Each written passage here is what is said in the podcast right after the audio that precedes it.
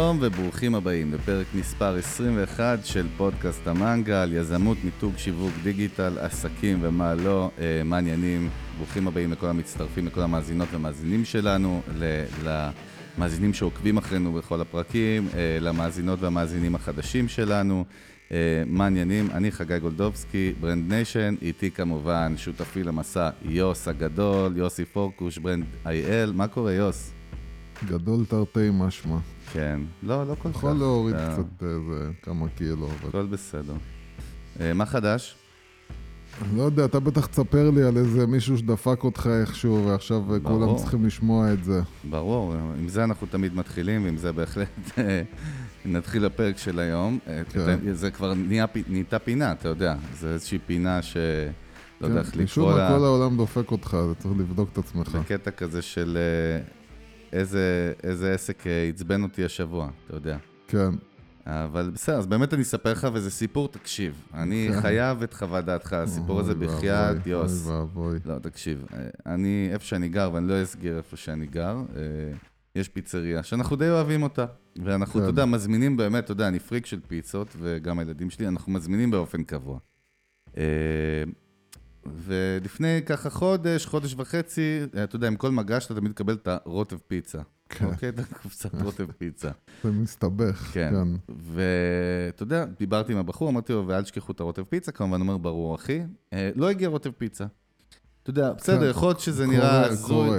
אין בעיה, קורה. כן, שבוע אחרי הזמנו פיצה, אחי, אתה יודע, אה, דרך אגב, שכחתם את הרוטב פיצה פעם שעברה, כאילו, אתה יודע, דאג לי לרוטב פיצה, בטח אח שלי, עלינו. הגיע השליח, אחי, איפה הרוטב פיצה? "אה, וואלה, לא יודע, הוא לא שם לי, כן שם לי, אתה יודע, אה, לא הגיע. אה, וככה במשך חודש, ואתה יודע, אתמול כאילו אמרתי לו, אחי, תשמע, אתם כל פעם לא מביאים לנו את הרוטב פיצה. ואתה יודע, הגיע פיצה, אין רוטב פיצה. אתה יודע, אני מסתכל על זה היום באמת בעיניים שלי, בעיניים שלנו, גם כשדרנים במנגל וגם בתחום עיסוק שלנו, שאנחנו עובדים עם מיתוג ושיווק ואסטרטגיה של עסקים. ת- תגיד לי אתה, זה משהו קטן, או שזה, אתה יודע, בכל זאת. קודם כל יש להם איזה משהו נגדך באופן ברור, צריך לבדוק מה, מה הסיבה. דבר שני, צריך להגיד לו, אה, לבעל הבית, תקשיב, אני חושב שאולי כדאי שלשליח שלך יהיה תמיד עוד אה, רטבים אצלו ספייר. אה, זה אולי, אה, אולי יעזור למקרה שלך ולמקרים אחרים. וכן, מה אני אגיד, אם נתעלם מזה שאתה אוכל יותר מדי פיצות כנראה. כן. אה, לא, אבל עכשיו באמת, מבחינה עסקית, אתה יודע, אנחנו מדברים על מיתוג, אני, אני חושב שזה חלק מ... בסופו של דבר. כן, ברור, תמיד אנחנו אומרים שהמיתוג הוא אה, לא הלוגו, לא ה... זה גם כמובן, לא, לא, לא רק איך שאתה נראה, אלא גם איך שאתה מתנהג, ומה הערכים של העסק שלך, ו, וכל מה שבונה בעצם את ה... את ה... את ה... backbone, מה שנקרא, את השורשים של העסק שלך, וזה כולל כמובן, כמובן את השירות, שהוא חלק מאוד מאוד גדול, ו... ובסופו של דבר זה מה שבונה את המוניטין, בעיקר בתקופה שלנו שבה באמת אני, אני אה, הייתי צריך להזמין איזה משהו רק השבוע מ- מאמזון, אתה הולך לאמזון, בסדר, אני לא משווה אמזון אולי לדברים אחרים, כי אמזון זה אמזון, אבל אה, המהירות שבה אתה מגיע מהרגע שראית את המוצר, החלטת שאתה רוצה אותו, עד לרגע שעשית את הרכישה, והאופן שבו הם כותבים לך בדיוק מתי זה יגיע אליך הביתה, ו... ואם אתה בוחר לשלוח את זה ככה או ככה או ככה, אתה מקבל תאריך בדיוק מתי אתה מקבל את זה, ו... ו... וכמובן כל, ה... כל השיטת אה, רכישה שלהם, שהיא בנויה על זה שבן אדם אה, יעבור את הרכישה כמה שיותר מהר, כדי שיהיה לו כמה שפחות הזדמנויות להתחרט, אז אתה מבין ש... שהמציאות היא כזאת, כל עסק שלא מקפיד הקפדה יתרה על איכות השירות שלו, הוא הולך ובונה לעצמו מוניטין, שבסופו של דבר כשיגיע המתחרה, אה, כמובן אמזון שאו-טו-טו פה, אה, אה, כשיגיע המתחרה וייתן את השירות היותר גדול, כי כל הזמן אנשים כאילו מה שמפחדים מהם, בעלי עסקים, זה אם יגיע מישהו וייתן הנחה. זה, זה כאילו הפחד של כולם, שמישהו ייתן 20, 20 אחוז פחות ממני במחיר. כן. וואי, איך אני מתמודד עם זה? ולא חושבים על זה שמישהו יכול לבוא ולתת פשוט שירות יותר טוב, ואנשים ילכו לשם כי שם הם מקבלים שירות יותר טוב, לא מחיר, אלא שירות. ושירות, אתה יודע, תמיד אה, בישראל אוהבים, אה, אוהבים תמיד, יש מין כזה הבכייה הלאומית, כאילו שכל אחד, אני בא לאבא שלי אז הוא מספר לי על איזה שירות יש פה ואיזה שירות יש בישראל ואיזה שירות. עכשיו יש, יש בזה... יש בזה, יוס, יש, יש בזה מן הנכון והרבה. בסדר, יש בזה מן האמת. אמ, וכן, ואנשים צריכים לשים לב טוב טוב, לא משנה מה הם ומי הם, דיברנו על זה כמה וכמה פעמים, על אספקטים שונים של עניין השירות. אה, אנשים, כן, אנשים צריכים לשים לב טוב, טוב, טוב, אה, איך הם משפרים את השירות שלהם, איך הם מקבלים פידבק כל הזמן מהלקוחות שלהם, איך, מה, מה אתה חושב, נהנית, לא נהנית, מה הפריע לך. אתה יודע, בסוף גם, מה שאני הרגשתי, עוד פעם, אני מסתכל על זה בעיניים עסקיות, הרגשתי זלזול של, של בעל העסק ושל העסק בי כלקוח. אתה יודע, זה יכול דבר קטן, אבל תחשוב על אה, עסק אחר שהיית מבקש ממנו משהו, ושוב, עוד פעם, ביקשת משהו, שילמת והוא לא הביא לך אותו. זה זלזול בלקוח, לקוח מתעצבן, אתה יודע. לקוח לא מרוצה, זה בעיה. אני, כן, אני, הייתה לי, אה, הייתה לי דווקא אה, חוויה מתקנת בעניין הזה שהזמנתי לאבא שלי. מה, פיצה אה, וקיבלת רוטב פוקוש? אני מזמין פיצות, למרות שאני נראה כמו שאני נראה פעם ב... בטח, אתה תמיד מקבל את הרוטב, אה? איתך לא מתעסקים. לא, לא מתעסקים איתי, אבל הזמנתי לאבא שלי איזושהי מכונת גילוח, והגיע בלי איזשהו אחד מהחלקים, ו... אה, במקרה באמת אה, הם פעלו נכון, שאפילו לא התקשרתי אליהם, פשוט שלחתי להם אימייל ופשוט שלחו לי את החלק הזה. אה, שזה הייתה לי חוויה טובה דווקא בעניין הזה, אבל כן, אני, אני אישית, בגלל זה אני נמצא, אני נאמן לח, לחברות שנותנות לי שירות אה, לאורך זמן. לגמרי, אתה מהנאמנים לטווח ארוך. כן, אני, אם אני מקבל, אני אישית מחשיב שירות בתור דבר שלי הוא יותר חשוב מכסף, ואם אני מקבל שירות טוב, אני נשאר עם העסק. טוב, בוא נצלול לפרק של היום. כמו תמיד, אתה לא יודע על מה אנחנו הולכים לדבר. כן. בטוח שאתה רוטב פיצה לא צפית גם, ו... כן, איכשהו... אני אגיד לך, אנחנו מקבלים הרבה פניות uh, למנגל, בין אם זה כן. לאתר שלנו, בין בפייסבוק, ב-DMים, הרבה בקשות מאנשים לכל מיני דברים לפרקים, רעיונות, או שאלות, או הערות עם עין או עם א'. אה, אחד הדברים שאני שומע הרבה, שאומרים שאנחנו מדברים הרבה על מיתוג, אבל אה, מבקשים שנדבר על מיתוג קצת יותר לעומק, אוקיי? אה, וכשאני אומר לעומק זה באמת כאילו איך ללמוד מהמותגים הגדולים מה הם עשו, או יותר נכון איך אני הופך את עצמי למותג, זאת אומרת אתה מדבר איתי, פוקוש וחגי מדברים איתי על נייקי, ואתה יודע, ועל אה, אמזון, אה, כן. ונותנים דוגמאות מכל מיני חברות מאוד מאוד גדולות וגרנדיוזיות שעושות branding לפנים, אבל איך אנחנו, עסקים קטנים או יזמים, או חברות, גם זה גם יכול להיות חברות של SMB, זה יכול להיות המון, יכולות להיות המון המון סוגים. של חברות או של עסקים אה, יכולות לעשות מיתוג. ואני אתחיל איתך דווקא עם דוגמה שאני אוהב, וגם אני יודע שאתה אוהב אותה אישית. אחד מהדברים שאני אוהב לעשות, באמת להנגיש קצת אה, סיפורים ומושגים של branding ו marketing למאזינים שלנו, חלק יודעים, חלק מכירים, חלק לא. הסיפור של FUBU, אה, היום נספר כן. קצת עליו, כי זה דוגמה יפהפייה למשהו שהוא ממש לא חדשני ולא מיוחד, אבל ה branding, המיתוג שנבנה שם סביב העסק הזה, זה מה שהפך אותו לעסק מטורף. אה, למי שלא מכיר, FUBU, אה, חברת הלבשה שהיא מושפעת מאוד מסצנת ההיפ-הופ וה streetwear, מה שנקרא, שיוס מאוד אוהב גם אה, בארצות הברית. הוקמה ב-92 על ידי דיימון ג'ון, אחד מהכרישים, נכון פוקוש? מה sharks האמיתי, לא התוכנית כן. חאווה שיש לנו בישראל. התוכנית השארקס האמיתית שהולכת שארק טנק בארצות הברית, ודיימון ג'ון הקים אותה ב-92, לא יודע אם אתה זוכר, אני אזכיר לך שהוא, שהוא התחיל את החברה, בעצם זו חברה שעשתה ביגוד, עושה ועשתה ביגוד, בעיקר סטריטוור, אה, דברים בסיסיים, אה, כובעים, כן, טישרטים. כובעים וטישרטים, זה היה הקטע שלהם. אה, דיימון ג'ון, שהיה בחור עני מניו יורק, שחור, הקים את החברה, לקח משכנתה על הבית שלו, זה הרבה לא יודעים, 100 אלף דולר, משכן את הבית שלו, זה בערך הנכס היחיד שהיה לו. ועם זה, זה היה הסיד מאני שלו להקים את החברה. אה, חצי מהבית שלו היה המחסן והתפעול.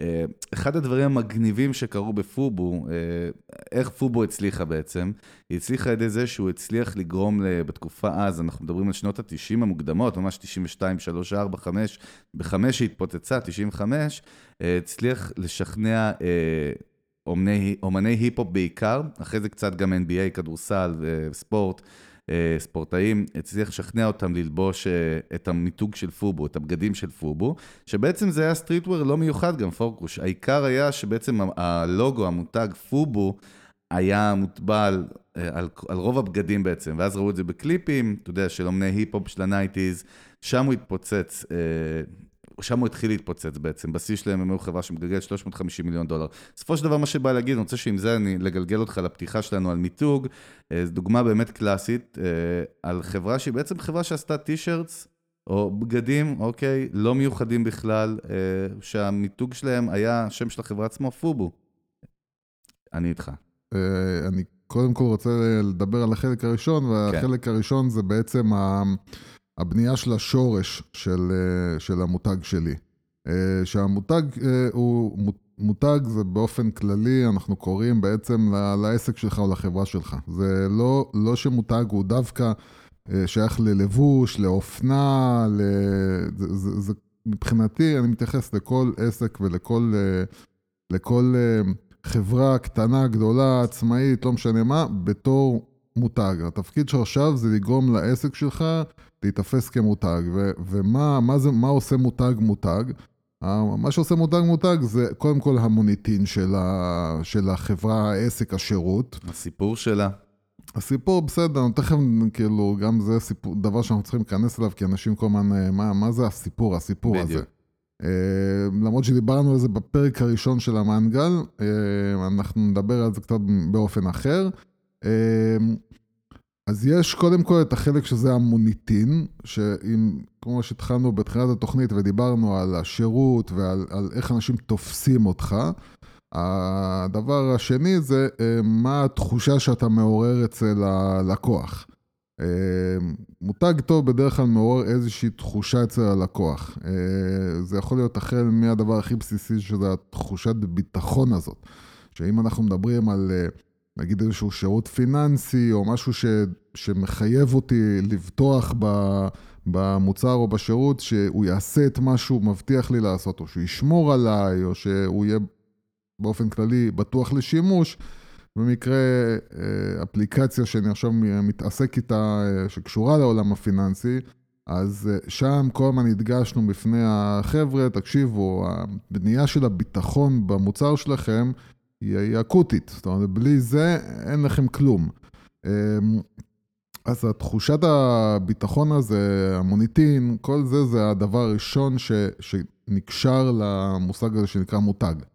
והסיפור שאנחנו מדברים עליו כל הזמן, ש, שדיברנו על זה, ותחזרו פשוט לחלק הראשון, לעשות, תשמעו. גם אנחנו נדבר על זה עוד הרבה. אבל אני אומר, מה זה הסיפור הזה, איך אנחנו בונים אותו טכנית, אה, תחזרו לפרק הראשון, תשמעו את זה. אה, אני, מה שאני אדבר עליו רק בהקשר של הסיפור הזה, בשביל להבין, סיפור זה מילה מאוד גדולה וקצת פלצנית, אבל, אה, אבל בסופו של דבר, מה שהיא באה להגיד זה, הסיפור זה מה שמייחד אותי בתור בעל העסק, ומה שמייחד את השירות שלי או את העסק שלי, שהוא לא דומה למתחרים שלי, לפחות ברדיוס. אז זהו, משהו שאני רואה אותו הרבה, וזה מעניין בארץ, למרות שזה ברמה מאוד מאוד נמוכה, אבל זה עובד. לדוגמה על סחוג, כן?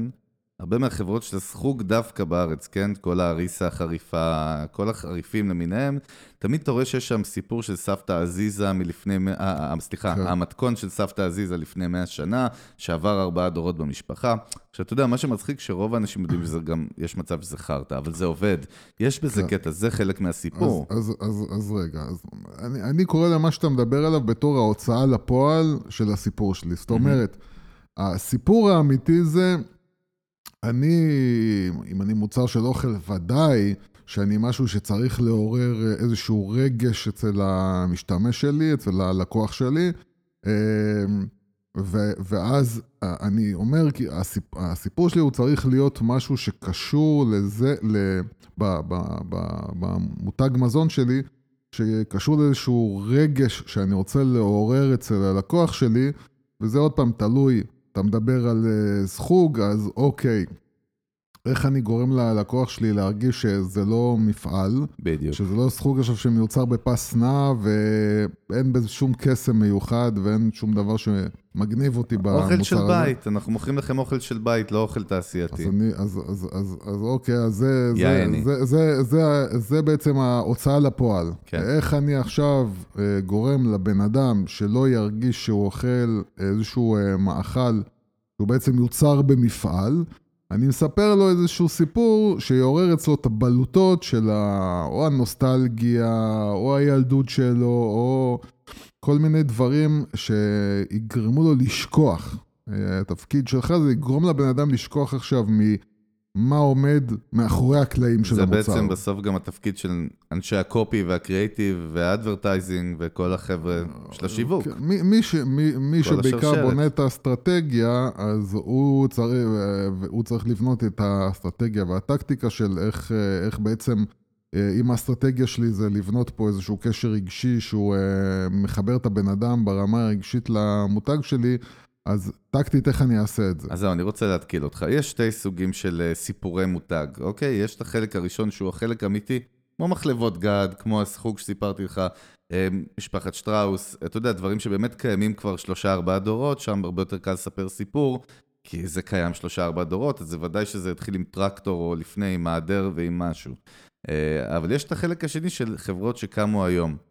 אתה יודע מה, אני אתקיל לך יותר, אני חושב שדווקא בחברות טכנולוגיות שהן יותר tech-oriented, יותר קשה להם לספר סיפור. כאילו, בואו נחשוב ביחד איזה סיפור, אתה יודע, הם יכולים לספר על ה brand שלהם, שהם המציאו מוצר אה, חדש. קודם כל, אני אחבר עכשיו דווקא את, ה, את ההייטק עם הלואו-טק, ו- ואני עכשיו אביא, אשים באותו סל חשמלאי וסטארט-אפ.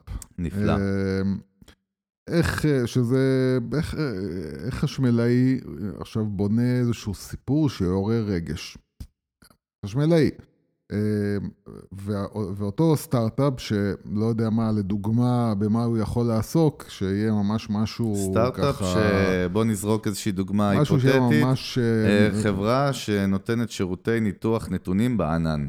כן. הכי קר ומשעמם כזה שיכול להיות. כן, אוקיי. אז, אה, אז, אה, אז בואו ניקח קודם כל את החשמלאי, נעבור שמעון לסטארט-אפ החשמלאי. שלה. אז שמעון החשמלאי קודם כל יכול לספר את הסיפור שלו, שהוא, בוא נגיד כמה סיפורים, עכשיו נזרוק כל מיני רעיונות, סתם, שהם באים עכשיו תוך כדי, בסדר?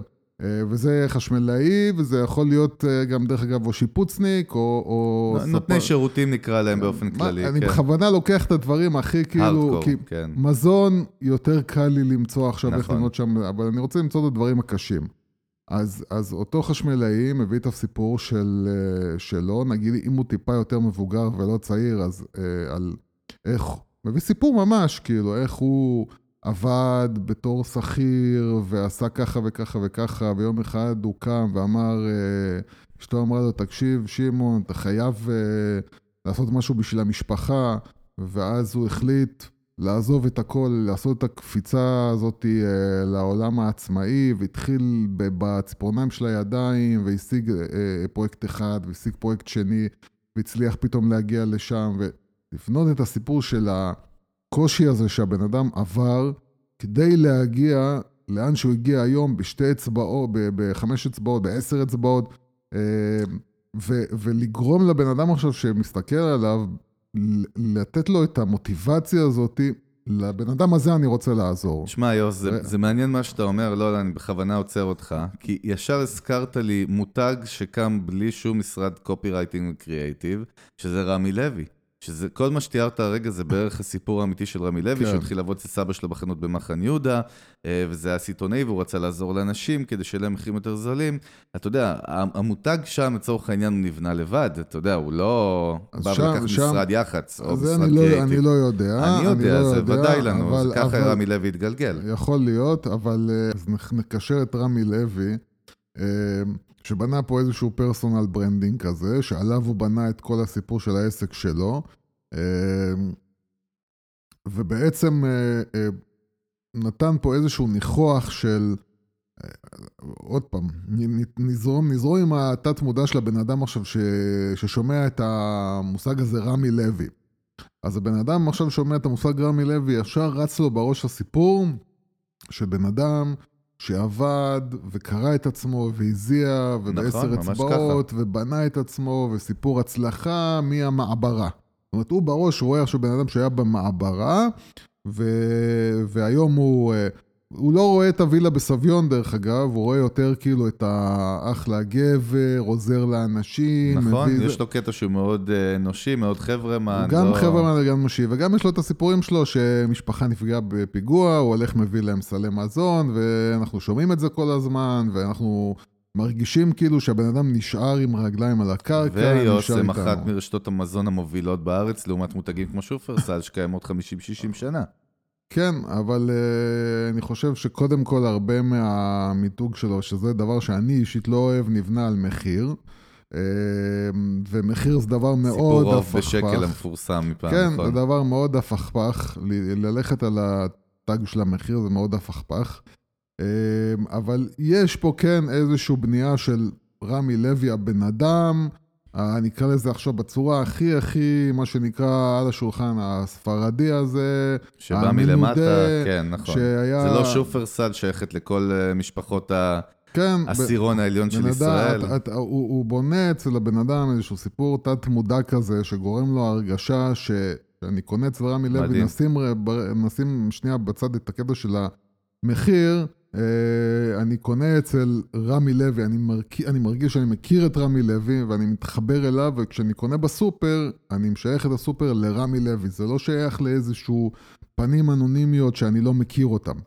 עכשיו, וכן אני רוצה לחזור, כי עוד פעם, קטעת אותי בסיפור של הסטארט-אפ. אה, הסטארט-אפ שצריך עכשיו לבנות לעצמו, אה, אה, הסטארט-אפ של שירותי ענן, שזה דבר מאוד מאוד טכני ומשעמם, להעלות את המידע שלך, את הקבצים שלך, לא יודע מה, לאחסן אותם איפשהו באיזה סרברים. קודם כל, הקטע המשעמם של, בסדר, להעלות קבצים לענן. מה אני עכשיו, איך אני עכשיו הופך את הדבר כן, הזה בדיוק. לסקסי, נקרא לזה ככה.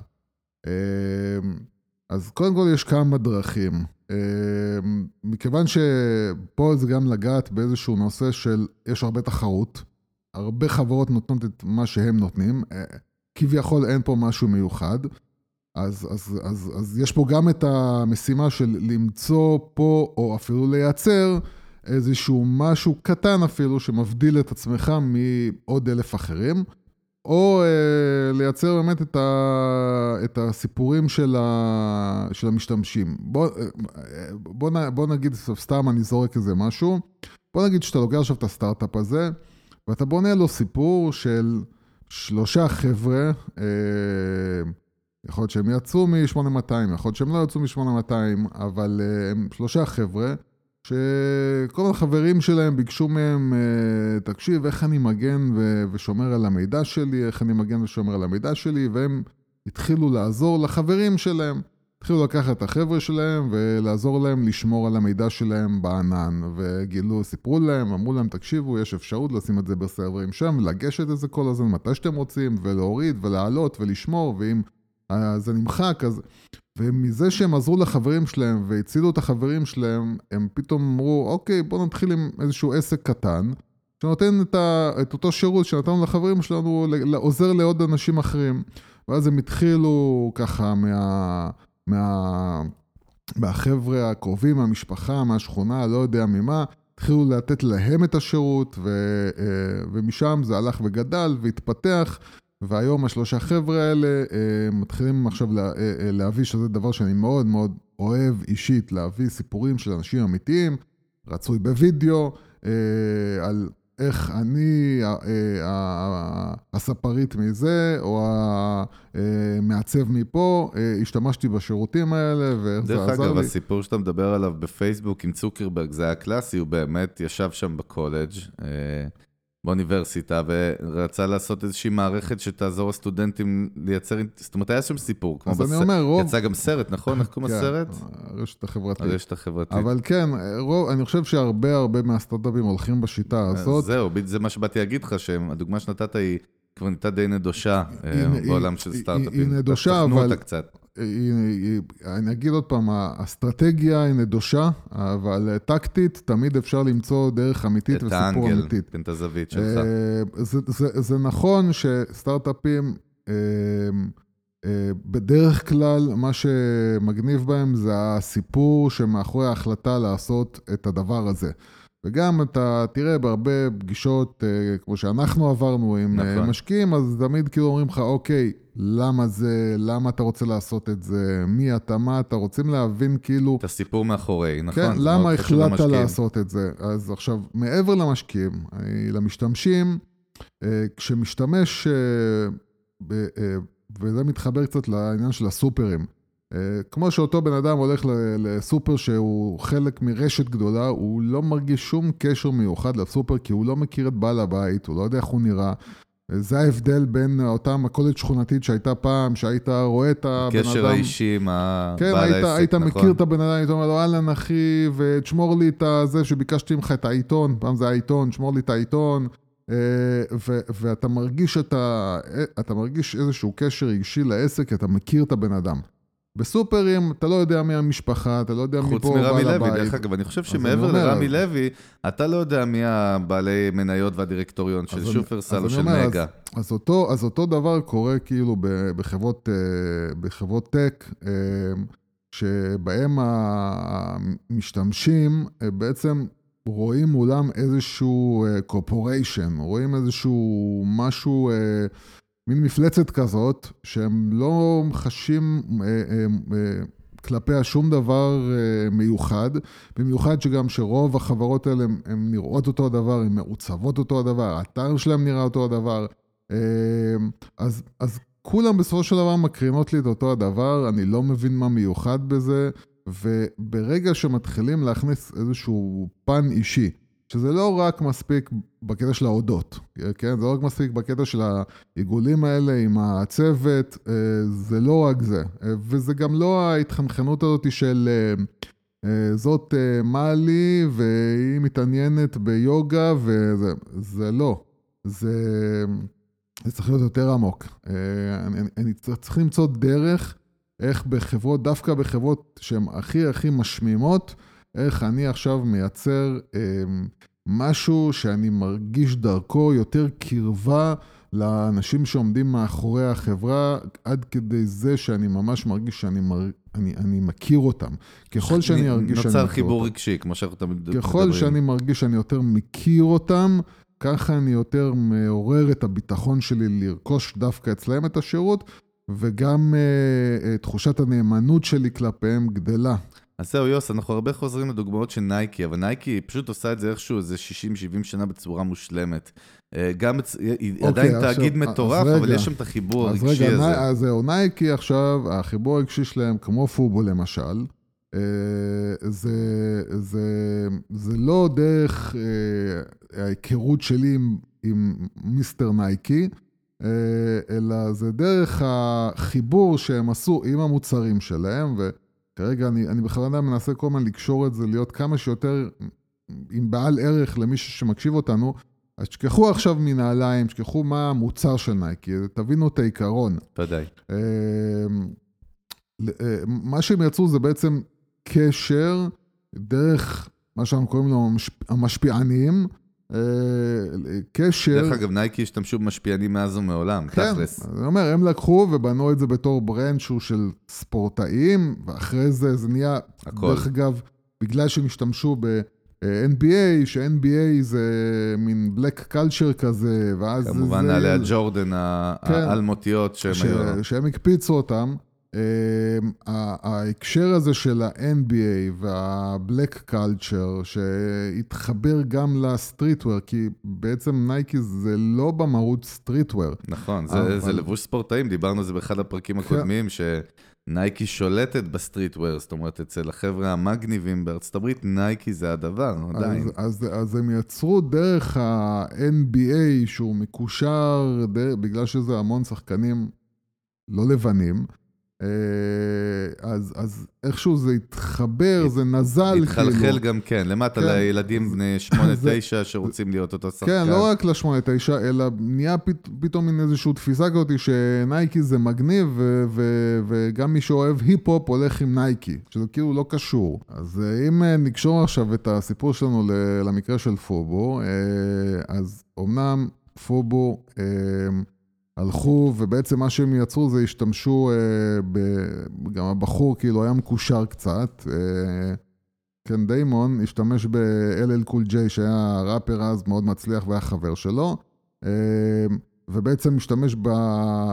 בתרבות הזאת של ההיפ-הופ בשביל אה, ליצור אה, תחושה והתחשה, והרגשה, תחושה והרגשה סביב ה brand שלו. אז כיוון שאנחנו לא חיים במדינה שבה ההיפ-הופ הוא אה, הדבר הכי הכי אה, מצליח. משפיע תרבותית גם, כן. אה, כן, אז צריך, מה שכן צריך להבין זה, זה ש... ודרך אגב, אני עוד פעם, אני חוזר על מה שאני אומר, ולא יודע, אנשים יסכימו איתי, לא יסכימו איתי, אני אומר את מה שאני מרגיש. אני מרגיש שרוב, הרוב המוחץ של החברות הגדולות בישראל, המותגים הגדולים בישראל, אה, חושבים שהם עושים אה, מיתוג, אבל מה שהם עושים זה מייצרים פרסומות. הם מייצרים פרסום שנותן אינפורמציה ללקוח שלהם, הם לא מייצרים מותג. רוב החברות פה, המשרדי פרסום והחברות בעצם, הלקוחות, לא מייצרים מיתוג אמיתי. אז אני אומר, אני, אני יודע שאולי לא הרבה יסכימו איתי, אבל זאת התחושה שלי שאני רואה את הפרסומות בישראל, אני רואה את המסעות פרסום בישראל, הם, הם, הם, הם פשוט כאלה פרווה, הם כאלה לא מייצרים אצלי שום התלהבות ושום אה, שום תחושה של קשר רגשי, אה, ואני חושב שזה מה שחסר פה, זה מה שחסר פה. ובארצות ו... הברית אתה רואה את זה יותר? בארצות הברית ודאי, ארצות הברית אה, ודאי שבעיקר, בעיקר, בעיקר כשאנחנו מגיעים לפרסומות הסופרבול, אז אנחנו רואים הרבה הרבה הרבה אה, ניסיון שם לייצר אה, רגשות, וממש, שמדבר רו, לא רק אה, הומור, שזה כאילו, מה שהרוב מכירים מסופרבול זה, זה ההומור שמשתמשים בפרסומות, אלא ממש פרסומות שנוגעות בנקודות רגשיות ומנסות ממש לעשות סחיטה רגשית אצל הצופה. אז זהו, אני רוצה רגע שנחזור לדוגמת שמעון החשמלאי ואותו סטארט-אפ של uh, מחשוב ענן, כן. שתי דוגמאות קיצוניות של מה הסיפור שלי בבניית מותג. אני אגיד לך מה ההבדל ביניהם, תקשיב, שמעון החשמלאי, uh, הוא יכול להיות בעצם כמו רמי לוי. כן. המקסימום יכול לקרות שייבנה מותג, מה שנקרא, בצורה אותנטית ועצמאית, והוא יגדל במכירות ויגדיל עוד סניפים, ואז כבר יכירו, ואז הוא ייקח משרד פרסום. יהיה לו מאוד קשה לעשות את כל הקריאייטיב הזה שהרגע אתה דיברת, וה storytelling הזה לבד. כן. מצד שני, אותה חברת הייטק באמת יכולה לקחת משרד PR או משרד יח"צ, משרד קריאייטיב, משרד כן פרסום. כן ולא, כן ולא. אני מנסה לדלות לא ממך כולם, מידע. לא, לא כולם, אה, גם סטארט-אפים, זה לא אומר שסטארט-אפ זה, זה מישהו שיש לו עכשיו הרבה כסף. נכון, תלוי באיזה שלב. הרבה סטארט-אפים נכון. נמצאים בשלבים שבהם הם צריכים, הם גם רוצים לעשות את הדברים לבד. עכשיו, זה נכון שבסוף, אה, אלא אם כן האנשים המוכשרים בצורה מאוד מאוד מאוד מיוחדת, רוב האנשים לא מסוגלים באמת לעשות אה, גם אסטרטגיה וגם אה, טקטיקה אה, שיווקית ו- ומיתוגית לעסק שלהם, כי זה דבר שדורש כישרון. אין מה לעשות. מדי פעם יש בן אדם שהוא יכול להיות חשמלאי, ויש לו את ההבנה הזאת של לעשות קריאייטיב. ואני אוסיף עוד משהו, זה גם דורש אובייקטיביות. משהו כן. שלבעל העסק, כן, היום כן. דיברנו בבוקר, סיפרתי איזה לקוח ששיגע כן. לך את הצורה, וכמה כן, הוא אנשים הרבה פעמים, זהו, הרבה פעמים אנשים, זה עוד פעם, הרבה מחלה... היינו שם בתור יזמים, אז אנחנו גם מכירים את זה. מחלה מאוד מאוד מאוד קשה שיש ליזמים ולבעלי עסקים, שהם אוהבים מאוד בעסק, בעסק שלהם. כן. והם אה, לא, הם, הם בטוחים שמה שהם מייצרים, כולם ירצו וכולם צריכים, וזה פשוט המהפכה. ולא תמיד זה ככה, והם צריכים, קודם כל הם צריכים ודאי להיות מאוד מאוד פתוחים ומוכנים לקבל, אה, אבל אה, גם באמת ההסתכלות הזאת של מישהו מבחוץ, בעיקר מישהו שיודע קצת להכיר את השוק שלהם ולהגיד להם, טוב, תקשיבו, בדקתי את המתחרים שלכם, זה לא, אני עדיין לא הבנתי מה מייחד אתכם ולהכריח את בעל העסק לבוא ולהוציא את הדבר שמיוחד בו אה, בצורה אה, חכמה.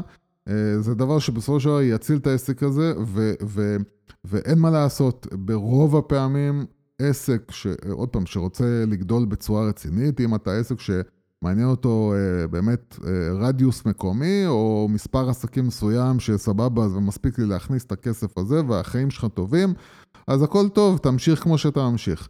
אבל מישהו שיש לו אה, רצונות יותר גדולים, או שזו חברה שצריכה להכניס יותר כסף, צריכה להכניס יותר לקוחות, ויש להם עכשיו אתגר בתחום הזה, אין מה לעשות. ברוב הפעמים צריכים את הבן אדם המומחה שיודע איך לייצר את היש מאין הזה לפעמים, או שזה יש מיש, אבל לחשוב, אה, ולא תמיד זה לחשוב מחוץ לקופסה דרך אגב, לא תמיד צריך וחייבים לבוא עם איזשהו רעיון שהוא שונה מכל הרעיונות האחרים.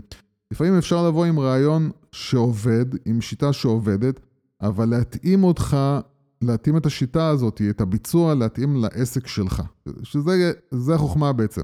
איך לראות את מה מיוחד בך, ואיך אני יכול עכשיו לקחת את, את, את מה שמיוחד בך ולהוציא את זה באופן נכון, באופן שבאמת אה, יגרום ללקוח הפוטנציאלי שלך להתחבר לעסק שלך. אה, לא תמיד, הרבה פעמים אתה יכול לראות אנשים מגיעים עם סיפורים ולא עושים execution, לא עושים ביצוע נכון, והסיפורים שלהם מתמסמסים. אה, הם בעצם מייצרים אותו באופן כזה שהוא לא מעניין אף אחד, או שזה לא נראה מקצועי מספיק, ובעצם לא עשית שום דבר גם אם הבאת סיפור. אז זהו, אני, אני אשאל אותך, כי אני כבר רואה בעיני רוחי את הכותרת של הפרק, אבל בסופו של דבר זה יהיה למה מותג או למה מיתוג תמיד מנצח, כן? אני רוצה שבוא ננסה להסביר במשפט או שתיים את, ה, את המושג הזה בכלל, שאתה יודע, באנגלית הוא תמיד נשמע יותר טוב, שזה branding always wins, כאילו בסוגריים in the end או in the long run, כן? בוא, בוא נדבר על זה דקה ככה לקראת סיום יוס קצת. למה מותג או למה מיתוג? זאת אומרת, אתה יודע, הרבה בעלי עסקים או יזמים, או אפילו גם חברות הייטק, אתה יודע, בסופו של דבר הם עסקים אה, שמאוד מונוטוניים, יגידו, תשמע, אני מוכר, אני מייצר revenue, מייצר כסף, ביי. כאילו, כן. אתה יודע, אז, הכל אז, טוב. אז זהו, אז, אז הסיבה ש... כאילו, בקיצור, מדגישים... סליחה, לפני שאתה מתחיל ואני אחפור לך עוד שנייה, למה אנחנו כל כך הרבה חופרים, וזה חוזר לשאלה הראשונית שקיבלתי מהרבה מאזינים שלנו, למה אתם קודחים בראש כל כך הרבה על מיתוג? כן, אז זה מה שבאמת רציתי להגיד, זה שגם אני שומע את זה, שאנשים לא מבינים מה, מה, מה הסיפור, למה, כי גם עוד פעם, אנשים כל הזמן טועים וחושבים על מיתוג בתור הלוגו, וזהו, הלוגו, הלוגו, הלוגו, ובסדר, נו, עשיתי לוגו, הלכתי, השקעתי כסף, עשיתי לוגו, טוב, מה אתה רוצה ממני? אז קודם כל צריך להבין שהעולם העולם העסקי אמ, משתנה באופן, משתנה וישתנה בשנים הקרובות באופן מאוד מאוד משמעותי. אה, אנחנו ממש ממש ממש רואים מול העיניים שלנו איך דברים שהיו פעם מאוד מצליחים יורדים המון המון המון אמ, חברות אופנה למשל, ש... מתקרבות כבר לפשיטת רגל, אפילו חברות מאוד מאוד רציניות, ואנחנו רואים איך העולם העסקי בעקבות אה, חברות כמו אמזון, בעקבות ההתפשטות והגדילה של הרכישות אונליין, העובדה שהרבה אה, אה, אנשים מתחילים להגיד, אוקיי, אני לא רוצה להיות בעצם שכיר, אני רוצה בעצם לפתוח את העסק שלי, ואז מגלים בעצם שבשביל לפתוח את העסק שלי אני לא חייב עכשיו לקחת חנות, אני יכול גם אה, אה, לפתוח את העסק שלי אונליין. e-commerce, חנות וירטואלית, כן. כן, ו- ו- ואז מה שקורה זה שבאמת העולם, ה- העולם העסקי הולך ומשתנה, ההתנהגות של הלקוחות uh, קצה שלכם הולך ומשתנה. המציאות הולכת ומשתנה באופן מאוד מאוד מאוד משמעותי. אז זהו, אני, אני אוהב תמיד לחבר את מה שאתה אומר, בלי שאתה יודע שאני בודק את הנתונים אונליין ככה. כן. אה, מכתבה מגלובס לפני חודשיים, אה, הכותרת הייתה ששוק האופנה הישראלי מתייבש. כך קרסו ארבע רשתות תוך חצי שנה. כן. אה, ציטוט של אחד מהבכירים בשוק, הוא אומר, הענף כולו נמצא בסטרס בחצי שנה האחרונה. האונליין, יחד עם הנסיעות לחו"ל, הורגים את הענף, והבנקים לוחצים על הקטנת אשראי. כולנו בלחץ. בקיצור, ארבע רשתות נסגרו השנה, 320 מיליון שקל חובות, כן. 1,500 עובדים שעתידם לא ברור, ו-400 חנויות פיזיות שגורלן לא ידוע. כן, דוגמה אז, יפה. אז קודם כל, אה, אז, אז, אז מה שצריך באמת להבין, ש... כמו שאמרנו, הרבה מהעסקים שהם סביב תיווך, כמו דירות, או כמו, או כמו נדל"ן בוודאי, או ביטוח, או כל מיני דברים כאלה שהם בנויים על, העסק שלי הוא בעצם עומד בין הספק ובין הלקוח קצה, כל הדברים האלה הולכים ומתמסמסים להם. עסקי... תוכניות תיירות גם דיברנו עליהן הרבה. ודאי שתיירות, שגם עוד פעם, מישהו שעומד באמצע בין, ה... בין החברת... אני לא צריך את סוכני הנסיעות שלי היום, בקיצור. כל מי שבעצם מתווך בין חברת תעופה או מלון לבין הלקוח קצה, בעצם הופך להיות חסר משמעות. הסיבה שזה לא מתמוטט לגמרי זה פשוט שיש עדיין עוד אנשים שמפחדים מהאינטרנט. כן, כמו שראיתי שיש עדיין כמה מבוגרים שיש להם מייל של פוקוס, כן, או בזקינט. כן, אז, אז, זה ייגמר. אז, האנשים שהם היום בגיל אפילו 40, שזה היה פעם שאנחנו היינו ילדים, גיל 40 נראה מי יודע מה, אז גיל 40, 50, היום בגיל 40-50 הם, הם, הם מתנהגים כבר כמו בני 20, זאת אומרת, יש להם מודעות. והם... מודעות והם מעודכנים טכנולוגית. ו... כן, הם יודעים להשתמש בטכנולוגיה, הם מדברים טכנולוגיה, הגילאים היותר מתקדמים, הם, הם מפחדים, אבל, אבל מי שנמצא היום בגיל 30, הוא אוטוטו אה, נהפך להיות לאותו בן אדם שאנחנו מסתכלים עליו היום בגיל 60, אה, ובשנים הקרובות, העולם הזה הולך להיות הרבה יותר תחרותי והרבה יותר קשה. האונליין הולך להשתלט ולאכול יותר ויותר ויותר, יותר יותר אפליקציות ופלטפורמות שמורידות לנו את הצורך, את הצורך במתווך. ודאי שאמזון הולכים להיכנס אה, למה שנקרא last mile, הם הולכים בעצם לדאוג אה, לזה שבן אדם יזמין מה... מהבית מרקחת או מהחנות משהו. תזכיר למי שלא יודע, זהו, מה זה last mile בדיוק. זה, זה מה שנקרא הקילומטר האחרון, ש... הקילומטר של, שקרוב ללקוח בעצם, איך, איך לצמצם את הפער בין ההזמנה ובין ההגעה של המוצר. זה הולך להיות לכיוון של הזמנת, חצי שעה אתה מקבל את זה הביתה. בארה"ב זה כבר אה, מתחיל לקרות, לדעתי שנתיים-שלוש זה כבר קורה. אנחנו קצת מפגרים אנחנו, בזה, כן, אנחנו קצת האלה. זה, אבל, אבל, אבל יגיע. זה, זה, זה, לשם זה הולך, זאת אומרת, אין ברירה. אז מורידים את המתווכים, אה, נותנים פייט לכל החנויות, ה... החנויות הפיזיות על ידי, על ידי זה שמגדילים את האי-קומרס ואת הכוח של האי-קומרס. אמ, כל זה מייצר מציאות שהיא הולכת להיות מאוד מאוד קשה. ובמציאות כזאת קשה, מי שבעצם הולך לשרוד, וזה מה שאנחנו בעצם טוענים, מי שהולך לשרוד זה מי שבנה היום, אה, כשעוד עדיין אפשר לבנות, מי שבנה היום את השם שלו ואת המוניטין שלו ואת התפיסה שלו בעיני הלקוח. וזאת הסיבה למה, למה מיתוג, שזה בעצם התהליך שבו אתה בתור בעל עסק הופך את השם של העסק שלך לשם שיש בו משמעות, שיש לו בשר, שהוא לא עכשיו אה, נתי המתווך, אה, נתי החשמלאי, אה, שרה הקוסמטיקאית, וזה יכול להיות מרים הקוסמטיקאית, זה יכול להיות רחל הקוסמטיקאית. אה, ברגע שהשם של העסק שלי הוא לא משנה לבן אדם, השם של העסק שלי הוא לא משנה לבן אדם, הוא יכול להזמין אותי, הוא יכול להזמין מישהו אחר, אז, אז כל uh, דבר שהמתחרה שלי יעשה, uh, או שהוא ייתן שירות יותר טוב, או שייתן מחיר יותר טוב, ישבור אותי, יגמור אותי. ואם אני לא ישבתי ובניתי את השם של העסק שלי במחשבה של כמה שנים קדימה, כי מי, ש... מי, ש... מי שרוצה לבוא לתת מכה וללכת, סבבה, אני לא יכול לעזור לו. אנחנו לא מדברים אליו בכל מקרה, אבל כן. אבל מי שאומר כאילו, אוקיי, אני רוצה שהעסק שלי יהיה פה עוד עשר שנים, אם הוא לא יתחיל תהליך של בניית השם, המוניטין והתפיסה של העסק שלו, הוא הולך להיות בבעיה גדולה מהר מאוד.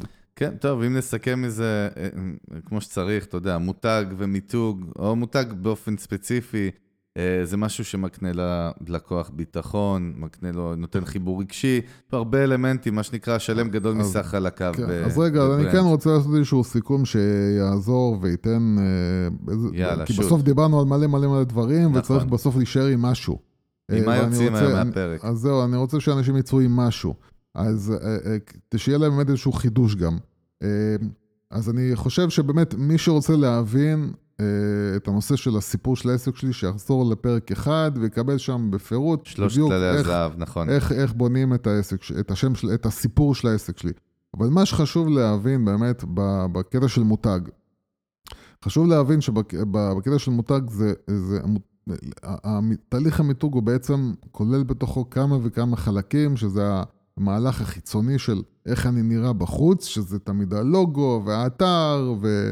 והעטיפה הגרפית, מה שנקרא, ויש לזה חשיבות. זאת אומרת, אני, אני פשוט, כל מיני עסקים שאני רואה אותם הולכים ולוקחים, לא יודע, כל מיני, אני לא יודע את מי הם לקחו שיעשו להם את הלוגו שלהם, אבל הלוגו שלהם נראה כמו איזה משהו ש... כמו תחת, בזמן, בוא אני אעזור לך, כמו תחת, כמו כן. משהו שחזרנו אחורה בזמן לשנות ה-90 ועשינו לוגו, אה, ולא מבין ש... לא, כשאני מסתכל על הלוגו, אני מקבל התרשמות, יש לי תפיסה לגביך. השנייה הראשונה שהסתכלתי על הלוגו, קיבלתי איזושהי התרשמות בתת המודע שלי לגבי העסק שלך. לכן הלוגו יש לו משמעות, יש לו משמעות איך הוא נראה ומה הוא מקרין. אמ, האתר שלך, איך הוא נראה ואיך הוא בנוי, מה הוא אה, משדר, ומה יש כן. בו, זה, יש לי תפיסה וביטחון לגבי העסק שלך דרכו. אה, אה, הפייסבוק שלך, אם הוא מעודכן, אפילו לא כל יום, אבל מעודכן מדי פעם, הוא לא מעודכן פעם בשלושה חודשים. אה, והוא נראה, הצילום של הבאנר למעלה והדף פרופיל, כן. הוא, הוא, הוא לא איזה כמה חבר'ה שבקושי רואים אותם בצל ולא מבינים מה קורה שם. כל איזה... הדברים הקטנים האלה, במרכאות כן, קטנים. כן. כל, כל הנראות שלך, יש לה משמעות מאוד גדולה כלפי התפיסה שלי והביטחון שלי בעסק שלך. אנחנו... ומעבר לזה, כמו שאמרנו, זה איך אתה נותן את השירות, האם השירות שלך הוא רציני או לא. כמובן שאנחנו מדברים על עסק שיש לו מוצר טוב או שירות טוב, ודאי עוד לא הגענו, אנחנו נדבר על זה בפרקים כן, הבאים. כן, זה ודאי חייב להיות, זה חייב להיות, חייב להיות. כי אם נחזור, יש את הסיפור תמיד שאני אחזור אליו כ... כטריגר, זה הסיפור של פסטיבל פייר, שלא היה שום מוצר מאחורי הקלעים, היה, הייתה עטיפה מטורפת, היה מיתוג פסיכי ושיווק פסיכי, כן. ולא היה מוצר טוב, ואז הכל התחרבן. אבל ודאי שאנחנו מדברים על שיש לכם אה, שירות שאתם מאמינים בו, שאתם יודעים שאתם טובים במה שאתם עושים, או במוצר שפיתחתם. ודאי שאנחנו מדברים רק על דוגמאות כאלה. כן, וגם, uh, עוד פעם, וגם uh, הערכים שאתם דוגלים בהם. אם בן אדם מתקשר אליכם, מבקש את המוצר שלכם, ו, ואתם מנסים לייצר עכשיו איזושהי תפיסה רצינית לגבי העסק שלכם, ואתם מוכנים ללכת ולהתעקם ולעשות כל מה שהבן אדם ירצה רק בשביל לזכות בכסף שלו, זה משהו שבן אדם מרגיש, הלקוח שלכם מרגיש את זה. הוא קולט ברגע שאתם מוכנים להתפשר ומוכנים לרדת במחיר ומוכנים להגיד לו, טוב אחי, אז נעשה את זה חפיף, נעשה את זה ככה. זה הכל דברים שנתפסים בצד השני, ו, וגם אם הוא יגיד לכם עכשיו, סבבה, יאללה, מתאים, בוא נעשה את ה... בוא נסגור את העסקה הזאת, הוא קיבל את הרושם שלו כבר. וכשהוא ילך uh, לחברים שלו וידבר איתם, הוא יגיד להם, כן, תשמע, אחלה, אחלה מחיר, אבל אני אגיד לך, לא נשמע לי רציני. כל הדברים הקטנים האלה, הם הדברים שבונים את המותג. אה, והדבר הכי טוב שאתם בתור בעלי עסקים יכולים לעשות, אם אתם מסוגלים לעשות את זה, יש לכם את הסבלנות הזאת, אה, זה ללכת לבדוק למה אנשים רצים למתחרים שלכם. אה, ולהבין מאנשים שמשתמשים במתחרים שלכם, למה, למה הם עושים את זה? אה, אה, אה, יש סיבה, תמיד יש סיבה מאחורי הקלעים. כן, כן, אבל גם אפשר ללמוד מזה. אפשר ללמוד מה האנשים האחרים שמתחרים לכם עושים טוב, שגורם לאנשים לחזור אליהם פעם אחרי פעם אחרי פעם. ואני אתן עוד טיפ, אתם פשוט יכולים לשמוע את כל הפרקים של המנגל, ואני בטוח שנפתח לכם הרבה צ'קרות בשביל להבין איך העולם הזה פועל. ואיך הוא יכול לעזור לכם. טוב חברים, גלשנו קצת מעבר לדדליין הקבוע שלנו. Uh, אני רוצה באמת להודות לכל מי שהאזינה והאזין לנו, לא מובן מאליו, תודה לכל אלפי המאזינים השבויים שלנו. Uh, קהילה שהולכת וגדלה בארץ ובחו"ל. Uh, אנחנו היינו צוות המנגל, אה, אני חגה גולדובסקי, איתי תמיד יוס הגדול, יוסי פורקוש. אה, אתם יכולים להאזין לנו חברים בכל הפלטפורמות, פשוט או להיכנס לאתר שלנו aj.mangal.com.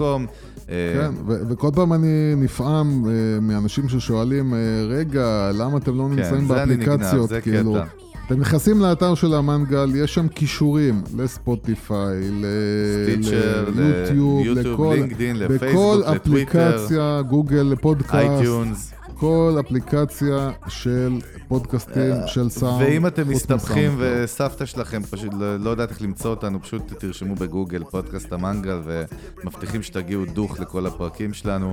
אה, אם יש לכם שאלות, הערות או הערות, או בא לכם שנעלה נושאים מיוחדים למ- למנגל, אם יש לכם רעיון לאנשים מעניינים שנראה לכם שאנחנו יכולים לארח אותם, שיוכלו לתת ערך, אנחנו תמיד פתוחים להצעות, יכולים לרשום לנו בתיבת האינבוקס ובצור, צור קשר באתר שלנו, או אה, הודעה ישירה בפייסבוק ומסנג'ר לדף שלנו. תודה לכל מי שהאזינה והאזין לנו, היה אחלה. אה, אנחנו צוות המנגל, אה, יש לנו פרקים מדליקים בדרך אליכם, אחלה יום. ביי ביי.